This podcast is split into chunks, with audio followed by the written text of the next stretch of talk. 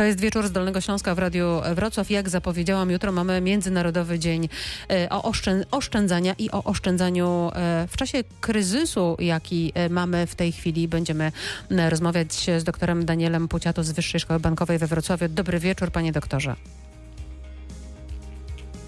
Halo, halo, czy się słyszymy? Słyszę, że pan doktor Halo, jest halo? i nawet słychać dziecko pana doktora. Chyba tak, takie mam wrażenie. Dobry wieczór panu. Czy jesteśmy? Bo jesteśmy już na antenie. Dobry wieczór. Dobry wieczór pani, dobry wieczór państwu. E, Panie doktorze, mam, na, mam nadzieję, że chętnie zaprosiłabym córeczkę najprawdopodobniej do, do dyskusji, ale mam nadzieję, że Synka, pozwoli... synka. pozdrawiamy synka, ale mam nadzieję, że pozwoli nam porozmawiać e, o oszczędzaniu dzisiaj w Radiu Wrocław, bo po to się e, spotkaliśmy wieczorem. Pierwsze pytanie, które mam do pana, sprawdziłam banki, takie najbardziej popularne, po to, żeby odpowiedzieć na pytanie, czy w obecnym czasie, gdybyśmy e, chcieli próbować e, gdzieś umieścić pieniądze, próbować e, zaoszczędzić, no to te lokaty, szczerze mówiąc, nie, nie zachęcają do trzymania pieniędzy w banku, bo one się wahają mniej więcej od 0,1 do, do w najlepszym wypadku mniej więcej 2%. Proszę powiedzieć, czy to jest zachęta do tego, żeby trzymać w obecnych czasach pieniądze, mówiąc kolokwialnie, w, w skarpecie? Tak, no oczywiście nie jest, drodzy Państwo. Jeśli chodzi o oprocentowanie lokat, no to ona jest głównie zależna od stopy procentowej, która z kolei wpływa na WIBOR, a więc stopy oprocentowania pożyczek udzielanych przez banki między sobą. E, e, No i te stopy są obecnie na rekordowo niskim poziomie, dlatego że stopa referencyjna Narodowego Banku Polski to 0,1%, natomiast WIBOR 0,22%. No i przeciętne oprocentowanie rocznych lokat e, zakładanych w sierpniu wynosiło e, 0,14%, więc to jest e, również najmniej e, w historii. E, Zatem powierzając bankowi 10 tysięcy możemy za 12 miesięcy liczyć na zaledwie 14 zł odsetek, od, których jeszcze e, musimy odjąć 19% podatku. No i stąd wydaje mi się, że zasadne jest pytanie, czy w takiej sytuacji mm, lepiej trzymać i zakładając, że ktoś e, ma pieniądze jakieś zaoszczędzone, czy w tej sytuacji lepiej jest trzymać te pieniądze po prostu w domu? Y, To znaczy, no, banki mają to do siebie, że są bezpieczne, więc tutaj wiele osób, nawet mimo właśnie bardzo niskich em, oprocentowania tych depozytów, trzyma, czy to w formie lokat, czy to w formie, czy to w formie mm, różnego rodzaju kont oszczędnościowych. E, Więc to jest dla niektórych także ważny aspekt. Ale oczywiście jest em, dużo więcej tutaj możliwości w tym zakresie. Pamiętajmy również, że są pewne promocyjne lokaty, e, nawet e, obecnie 2 do 3%. No, I tak, przepraszam, tym, że panu przerwę te promocyjne, bo też e, sprawdziłam w dwóch bankach, to mniej więcej e, na poziomie 2% na e, 3 miesiące. Tak, no właśnie. Problem jest w tym, że to przeważnie nowi klienci mogą korzystać. I nowi klienci, dokładnie tak. środki tutaj Mhm. można lokować wyłącznie. Tak, jest to krótki okres, y, przeważnie też 3 miesiące, no i też jest bardzo często kwota ograniczona do 10-20 tysięcy, więc jest tutaj szereg różnych problemów z tym związanych. Natomiast oczywiście spektrum możliwości jest tutaj y, o wiele szersze. Pamiętajmy o tym, że od tego, w co będziemy inwestować, no, to zależy od trzech takich generalnych czynników. Po pierwsze, od tego, jakiej się spodziewamy, jakiego się spodziewamy zwrotu. E, Po drugie, jakie ryzyko jesteśmy w stanie e, tutaj podjąć. No i po trzecie, od płynności finansowej. E, Lokata rzeczywiście cechuje się niskim zyskiem, ale również jest maksymalnie bezpieczna jest też w miarę płynna, możemy w każdej chwili te pieniądze e, wycofać. To są oczywiście różne tutaj inne możliwości, natomiast e, musimy tutaj już skorzystać z pomocy różnego rodzaju biur maklerskich, e, które na przykład pomogą nam w zakupie akcji, e, obligacji skarbowych. To jest także teraz bardzo dobra opcja. E, Można również lokować e, w kryptowaluty, w kruszce e, czy w nieruchomości. I taka ciekawostka, są również, drodzy Państwo, takie trochę niekonwencjonalne obszary inwestowania, e, no dzieła sztuki czy luksusowe artykuły konsumpcyjne, na przykład e, wina, whisky czy antyki, stare meble, także zabytkowe samochody. Niektórzy również inwestują w monety. w malarstwo, także takie współczesne, fotografie, czy nawet w plansze komiksowe. Natomiast rzeczywiście, jak mówią eksperci, w, w dobie pandemii no, najbardziej opłaca się inwestować w złoto, waluty, szczególnie tutaj obligacje skarbowe, które uwzględniają inflację. Tutaj można nawet na takich obligacjach zarobić 2,4% w skali roku, ale to są czteroletnie, więc bardzo długofalowe inwestycje oraz nieruchomości. To, to takie cztery pozwoli pan, to pozwoli pan, że o tym, w co warto w takim razie e, inwestować e, w obecnym, trudnym e, czasie, porozmawiamy za kilka minut. Teraz chwila oddechu na piosenkę i potem wracamy do rozmowy. To jest wieczór z Dolnego Śląska w Radiu Wrocław. Dzisiaj z nami dr Daniel Puciato z Wyższej Szkoły Bankowej we Wrocławiu. Rozmawiamy o oszczędzaniu, ponieważ jutro mamy Międzynarodowy Dzień Oszczędzania. Panie doktorze, wcześniej pan powiedział, że mm, w obecnym czasie są takie możliwości, żeby e, zainwestować coś i mieć z tego zysk, biorąc pod uwagę oczywiście pewne e, ryzyko inwestycyjne. Inwestowanie w dzieła sztuki, inwestowanie w wina, pan mówił wcześniej, czy monety, czy stare e, samochody. Potraktuję to, pozwoli pan taką jako trochę ciekawostkę, ale chciałabym do tego wrócić. Pytanie do pana mam takie, czy Polacy inwestują już w takie rzeczy, czy mają tego typu odwagę inwestowania na przykład w dzieła sztuki, no i też gotówkę, bo przypuszczam, że w dzieła sztuki nie inwestuje się raczej 10 czy 20 tysięcy złotych. No tak, Państwo, to oczywiście są takie formy inwestycji, które są przeznaczone dla osób, które, no, które są bardziej, bardziej zamożne, ale takich w Polsce jest coraz więcej, także jak najbardziej jest to coraz e, ważniejszy, coraz powszechniejszy obszar inwestowania. E, także jest, jest e, również w tych takich niekonwencjonalnych formach coraz, coraz większe zainteresowanie Polaków. Ale wciąż możemy chyba mówić o tym e, w kontekście oszczędzania jak bardziej jako o ciekawostce, jak rozumiem. Na naszym tutaj polskim terenie. No zdecydowanie. No, drodzy Państwo, większość z nas nie ma tak dużych środków, żeby takie inwestycje trzymać takie inwestycje realizować. Natomiast y, tak generalizując, no to może trochę o oszczędnościach Polaków, bo jakby to też jest chyba ważne w tym kontekście. Otóż, drodzy Państwo, Polacy mają dzisiaj niemal 1,2 biliona złotych oszczędności, które są zgromadzone na kontach bankowych, lokatach czy w gotówce. E, I obecnie oszczędności posiada około 70% Polaków. Więc to jest taka taka, taki odsetek, który rzeczywiście wzrasta. E, statystycznie Polak ma średnio około 30 tysięcy złotych e, na lokatach, chociaż to oczywiście jest średnia, więc tutaj zarówno uwzględnia tych bogatych, jak i tych, którzy nie posiadają oszczędności.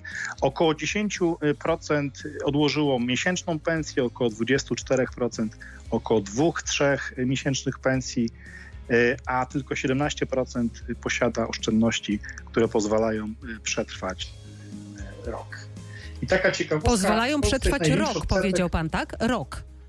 Tak, mhm. tak, tak. I taka no tutaj są jakby różne. Proszę kontynuować bo cały czas mamy taką przerwę czasową. Tak, tutaj są takie różne no, wartości referencyjne, ile należałoby zaoszczędzić, żeby no, zapewnić sobie w miarę tutaj poczucie bezpieczeństwa, więc są różne tutaj oczywiście metody na wyznaczanie takiej, takiej, takiej kwoty, to jest bardzo zależne od różnych indywidualnych kwestii. Natomiast w Polsce średni czas potrzebny na znalezienie pracy to około trzech miesięcy to będzie taki dobry też, taka dobra przesłanka, żeby wyliczyć taką kwotę.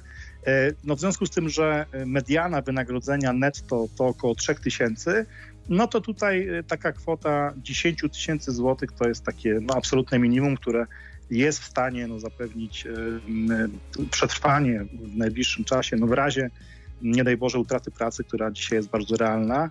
Mamy pierwszą od wielu lat klasyczną recesję gospodarczą, a więc y, dwa kwartały z rzędu z ujemnym tempem e, wzrostu gospodarczego.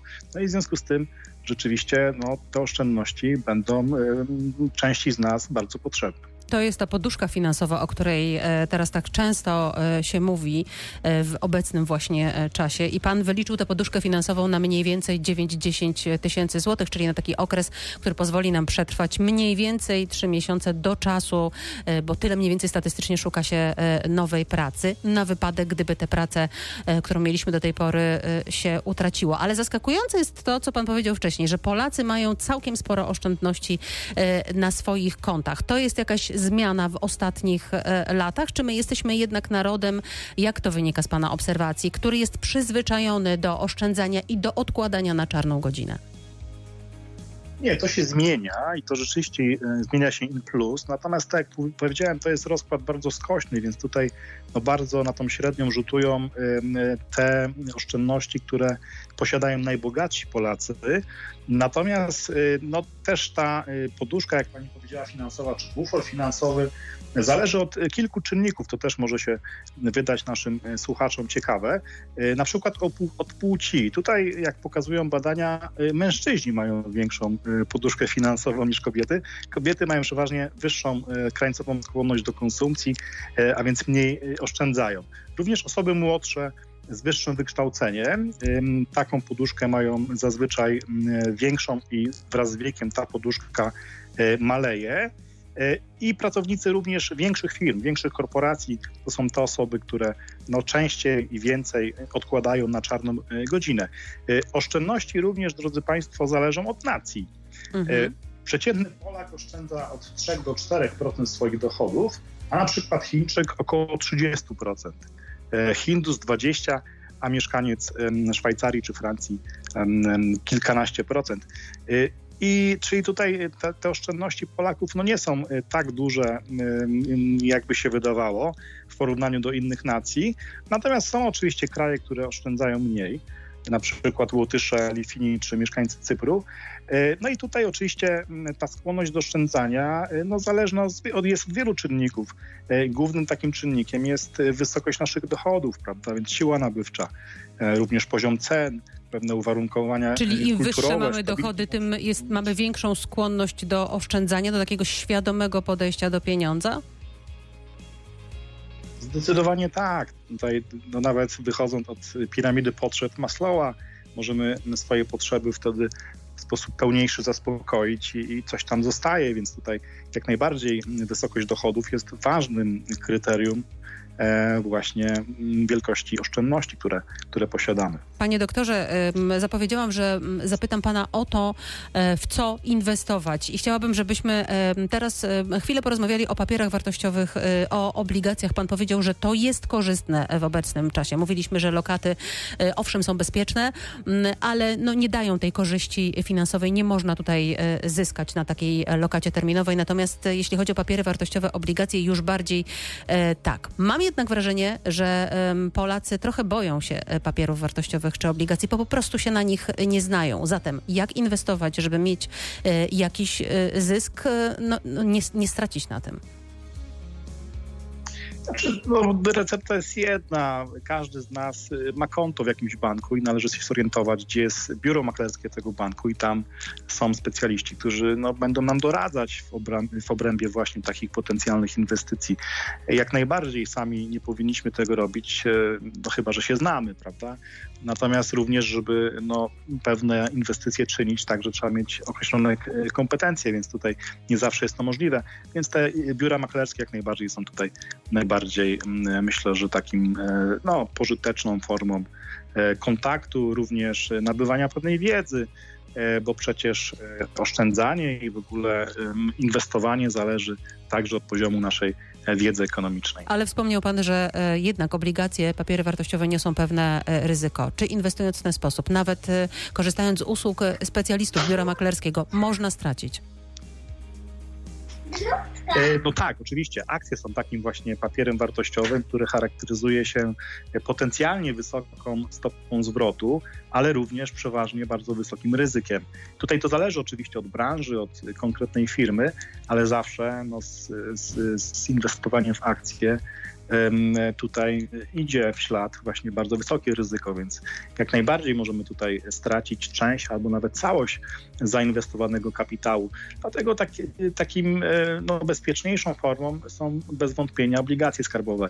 I tutaj właśnie tak jak powiedziałem, E, są różne możliwości. Natomiast no, pamiętajmy, że o ile akcji możemy się pozbyć w każdej chwili, no to w przypadku obligacji, jak chcemy e, oprocentowanie otrzymać, no to musimy e, tutaj no, posiadać te obligacje przez 4, a nawet 10 lat w zależności od, od, od form. Są również 12-letnie obligacje, więc tutaj no, jest to bardzo długofalowa inwestycja, aczkolwiek bezpieczna, gwarantowana przez państwo.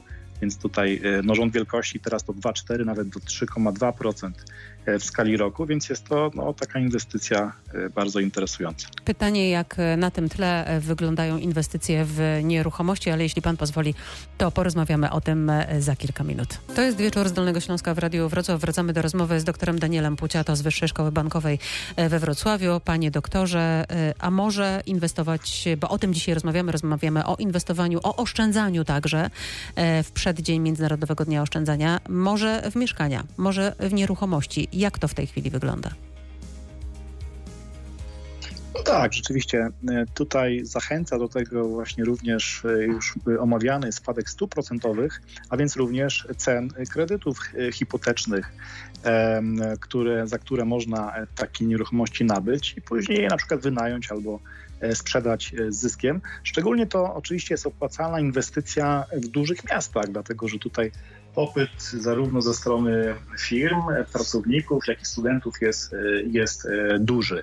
E, taka ciekawostka, że również w portfelu najbogatszych ludzi na świecie w dobie pandemii właśnie e, udział nieruchomości inwestycyjnych wzrósł aż do 60%. Wcześniej był kilka do kilkunastu punktów procentowych niższy. I no, trochę rzadziej teraz są preferowane nieruchomości biurowe, dlatego że no, też e, w wyniku pandemii prawdopodobnie trochę już w sposób trwały nastąpi zmiana e, modelu pracy. Będziemy częściej pracować zdalnie, e, tak jak teraz. Ale również coraz częstszą teraz popularnością cieszą się nieruchomości mieszkaniowe, ale również obiekty związane z, z opieką medyczną czy senioralną. To także bardzo ciekawy taki obszar inwestowania również różnego rodzaju apartamenty czy hotele, e, ziemia budowlana, w to najczęściej inwestują właśnie osoby e, najbogatsze. Wspomniał Pan e, o mieszkaniach na wynajem. E, mam wrażenie, że e, teraz chyba nie bardzo opłacałoby się mieć mieszkanie na wynajem, bo chyba nie ma zbyt wielu chętnych na wynajem mieszkania właśnie w tym czasie, w czasie pandemii. Obserwuje Pan ten rynek mieszkaniowy, rynek wynajmu? Czy coś tutaj się zmieniło? Bo pamiętam, że na początku pandemii rzeczywiście ten rynek miał problemy. Tak, no oczywiście. Ten problem y, nadal y, istnieje, natomiast no, pamiętajmy, że jak inwestujemy w nieruchomości, no to zawsze raczej dłuższy horyzont czasu y, nas tutaj interesuje, a no, nieruchomości w Polsce na pewno jeszcze e, będą drożeć. To idzie w ślad za wzrostem gospodarczym no, nieruchomości w tych najbogatszych krajów, e, krajach trochę brakuje. W związku z czym no, prawdopodobnie ta rentowność nieruchomości e, będzie się utrzymywała na podobnym poziomie po tym rzeczywiście okresie pandemii. No natomiast pamiętajmy o tym właśnie, że teraz e, skłania ku temu no, ta niska stopa procentowa, prawda? I i tani pieniądz, więc to może być takim czynnikiem zachęcającym e, do inwestowania w coś, co e, no, opłaci się e, w przyszłości. Zatrzymajmy się na chwilę przy walutach i przy złocie. Wspomniał Pan wcześniej, że w złoto i w waluty warto e, inwestować. Polacy z walutami mm. mają niedobre e, doświadczenia, zwłaszcza e, Frankowiczów mam tutaj na myśli. Czy powinni odzyskać to zaufanie do walut i próbować inwestować w waluty w obecnym czasie? A jeśli tak, to, to w jakie? Znaczy, no, jak y, dolar, jak złoto nazywane jest y, królem krusztów, tak samo dolar nazywany jest królem walut. To jest y, mimo różnych zawirowań politycznych, jest to nadal bardzo stabilna waluta. I myślę, że no, w, w długim także okresie czasowym opłaca się w nią inwestować. Podobnie złoto jest tutaj taką bezpieczną przystanią. W ostatnich latach ceny złota znacznie wzrosły.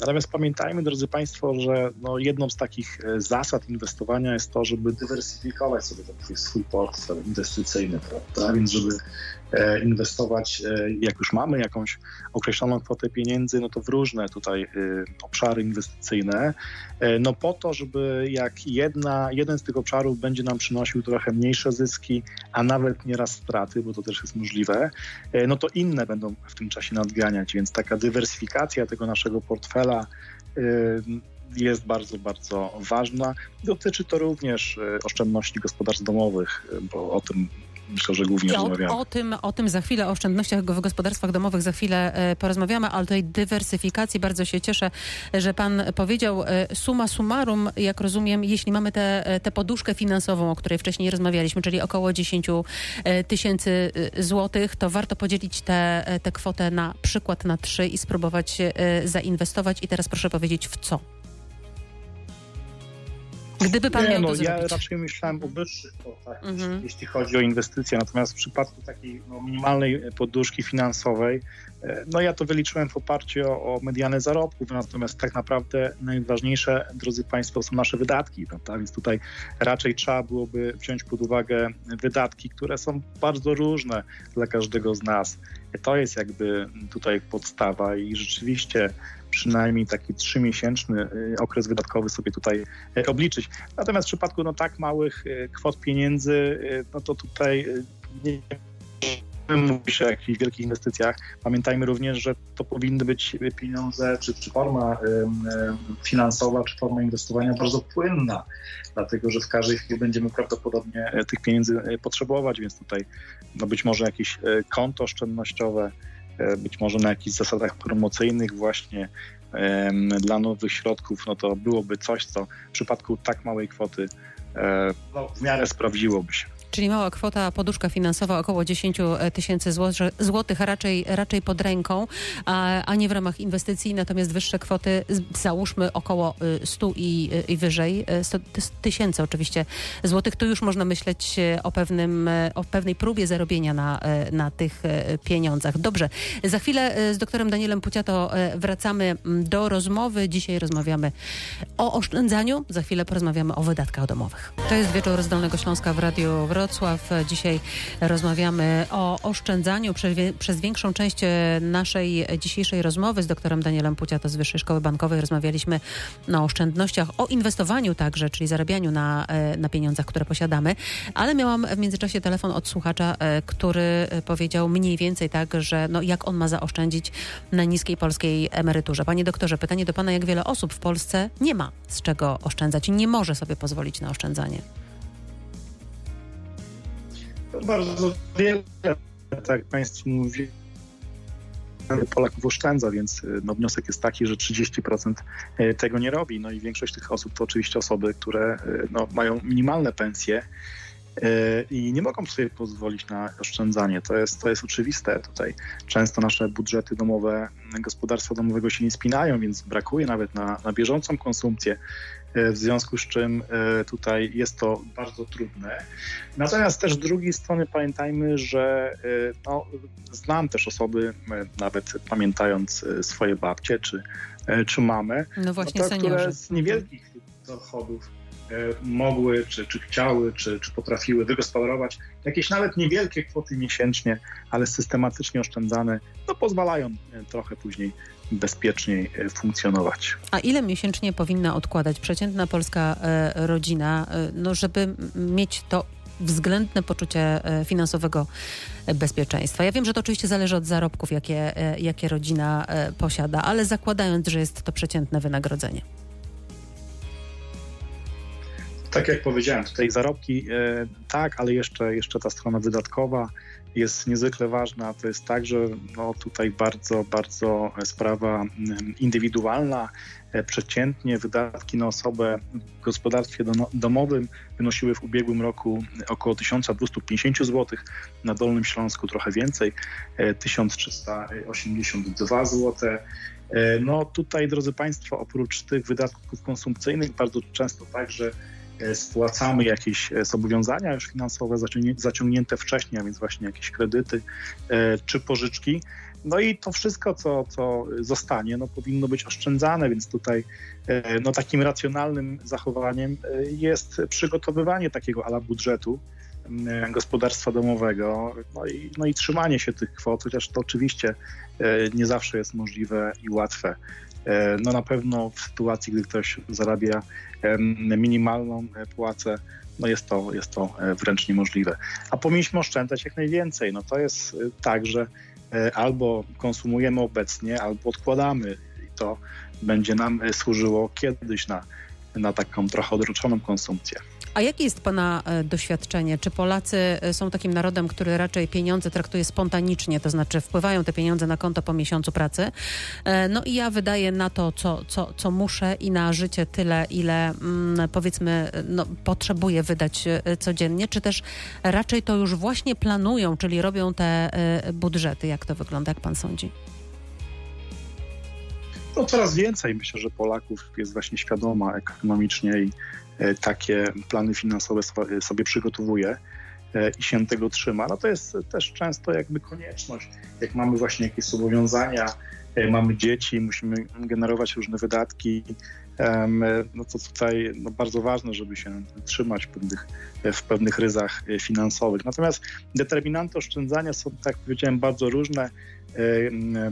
Nacje to jest, to jest jedna rzecz, wykształcenie, wiek, płeć, ale również właśnie poziom dochodów będzie tutaj, e, będzie tutaj ważny. Ciekawostka także, drodzy Państwo, nastawienie do przyszłości. Okazuje się, że optymiści e, mniej oszczędzają e, najczęściej, a pesymiści więcej, więc to tutaj naprawdę zależy od bardzo, bardzo wielu zmiennych również aspekty psychologiczne, na przykład chęć bycia niezależnym, to także skłania do tego, żeby więcej oszczędzać. Takie poczucie bezpieczeństwa ekonomicznego, ale i chciwość, a więc taka cecha, którą e, no, traktujemy niezbyt, niezbyt pozytywnie, okazuje się, że także sprzyja właśnie oszczędzaniu. E, I także bardzo ważna taka cecha psychologiczna, jak umiejętność e, odraczania nagrody, dlatego że E, oszczędzanie jest właśnie odkładaniem e, pewnej nagrody, a więc konsumpcji bieżącej na przyszłość. E, to jest pewnie cecha, którą trzeba kształtować, ale nie każdy to, to też potrafi. Doświadczenia z oszczędzaniem, bardzo ważne. Jak ktoś kiedyś gdzieś tam się sparzył na jakiejś inwestycji, też będzie pewnie no, bardziej ostrożnie do tego podchodził. Etap życia rodziny, także no pewnie ludziom młodym, którzy często właśnie mają, mają jakieś zobowiązania finansowe, e, na przykład kredyt hipoteczny, no jest ciężej odłożyć, a później może już w średnim wieku jest to trochę, e, trochę e, łatwiejsze. Więc tutaj bardzo, bardzo wiele różnych e, czynników. E, a jeszcze jedna ciekawostka, drodzy Państwo, no to jest też paradoks oszczędzania. Gdyby wszyscy oszczędzali bardzo dużo, to tak naprawdę efekt makro byłby zupełnie odwrotny. Byłby negatywny, dlatego że obniżyłby się popyt globalny i obniżyłoby się tempo wzrostu gospodarczego, co szczególnie jest no, w sytuacji recesji bardzo, bardzo niepożądane. Wspomniał Pan wcześniej... Bardzo Aha. wiele różnych na to wpływa. E, mówił Pan wcześniej, e, że no to zależy, czy, czy oszczędzamy, zależy również od e, tego, jakimi jesteśmy ludźmi, jakie mamy charaktery i wszyscy psychologowie często podkreślają, że z optymistami można raczej tylko zyskać. Jak się okazuje w ujęciu ekonomicznym, z optymistami można również prędzej stracić, aniżeli z pesymistami. Jeszcze chcę Pana zapytać tak na koniec naszego dzisiejszego spotkania, na czym w tym gospodarstwie w pierwszej kolejności powinniśmy zacząć Y, oszczędzać. Albo być może y, ma Pan takie y, dane, które mówią o tym, w których obszarach jesteśmy najbardziej rozrzutni, czyli gdzie lekką ręką najczęściej wydajemy pieniądze i w ten sposób, ukrócając to, można najszybciej na tych wydatkach comiesięcznych zaoszczędzić.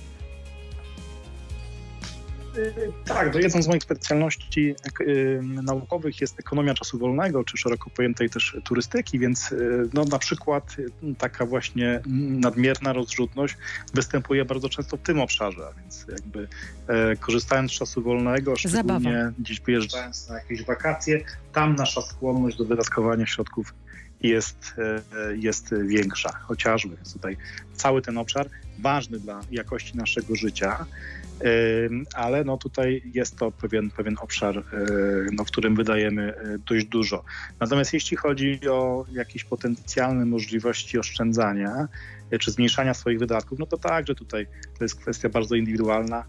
Być może warto się przy, przyjrzeć naszym rachunkom, prawda, za energię elektryczną, za wodę, za gaz. Być może tutaj są pewne możliwości oszczędzania, co także przełoży się pozytywnie na środowisko przyrodnicze, co jest dzisiaj, mm. jak wiemy, dużym problemem. Tutaj te, te korzyści e, mogą być, e, mogą być dwojakie jest często podnoszona, oczywiście, natomiast e, rzeczywiście próbować oszczędzać e, e, wodę czy energię, od tego chyba w zasadzie trzeba byłoby zacząć, każdy powinien zacząć w swoim własnym domu. I już ostatnie pytanie, panie doktorze, do pana jest takie, czy powinniśmy się i czy uczy się w Polsce dzieci, młodzież oszczędzania? Czy prowadzone są jakieś kampanie, które uczą tego, że no, pieniądz warto oszczędzać, że każdego miesiąca powinniśmy coś tam odłożyć? Znaczy, po pierwsze trzeba powiedzieć e, to, że rzeczywiście wiedza ekonomiczna jest bardzo ważna dla e, naszych e, racjonalnych zachowań na co dzień, również dla jakości naszego życia.